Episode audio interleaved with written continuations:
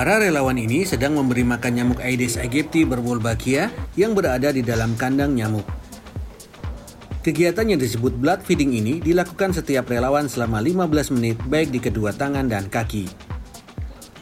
Nyamuk betina menyedot protein dalam darah untuk membantu produksi telur dalam proses perkawinan dengan nyamuk jantan di kandang nyamuk ini.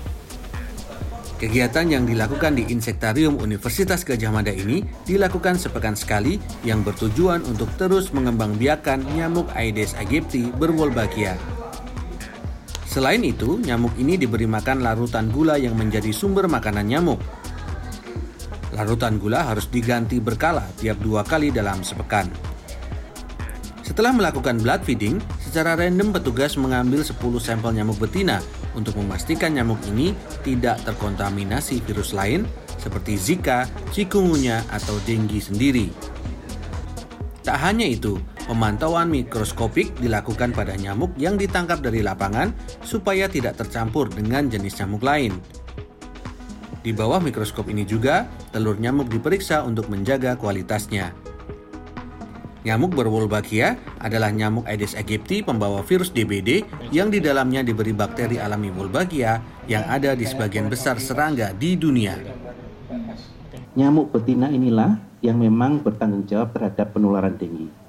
Dan ketika ada uh, Wolbachia-nya di dalamnya uh, tubuh nyamuk betina, itu uh, keberadaan Wolbachia itu yang akan memblok replikasi virus dengue sehingga akhirnya nyamuknya tidak bisa menularkan sekalipun dia menggigit uh, orang yang uh, sakit demam berdarah tetapi karena virusnya diblok di dalam uh, tubuh nyamuk dia tidak akan menularkan ke orang lain.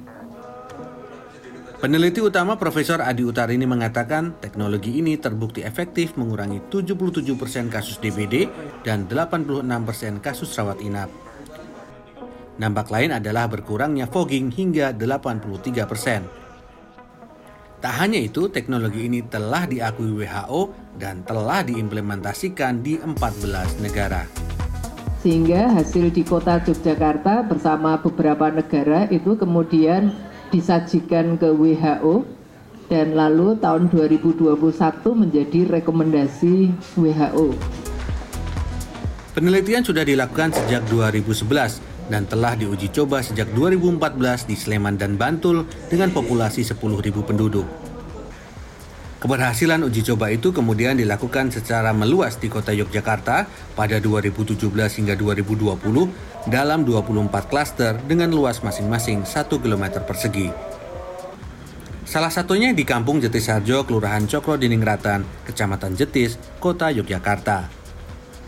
Penyebaran nyamuk Aedes aegypti berwolbachia ini berlangsung selama enam bulan pada tahun 2017. Pada awalnya, sejumlah warga mempertanyakan hal ini karena pemberantasan demam berdarah denggi yang dibawa nyamuk Aedes aegypti justru dilakukan dengan cara menambah jumlah nyamuknya.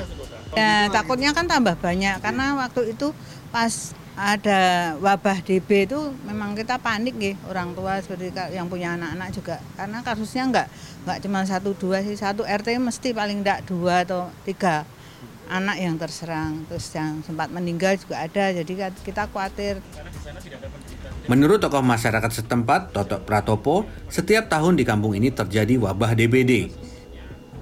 Namun setahun setelah pengaplikasian teknologi ini, kondisinya berubah total. Populasi nyamuk Aedes aegypti berwolbachia di kampung ini sekarang diklaim Pusat Kedokteran Tropis UGM sebanyak 82 persen. Uh, pada periode saya sebagai Ketua RW tahun 2099-2005 uh, itu ada dua kasus meninggal anak-anak dan dan pada 2017 itu satu orang uh, anak uh, usia 8 tahun.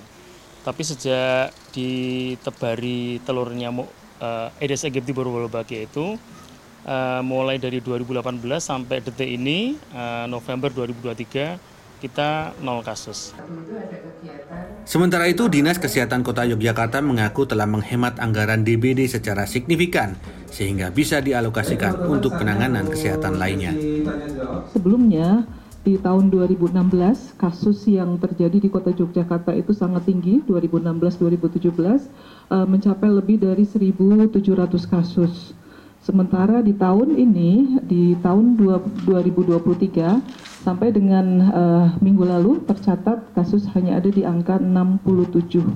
Jadi ini adalah uh, terendah sepanjang uh, sejarah di Kota Yogyakarta dan angka ini merupakan angka kejadian yang terendah satu seprovinsi daerah istimewa Yogyakarta.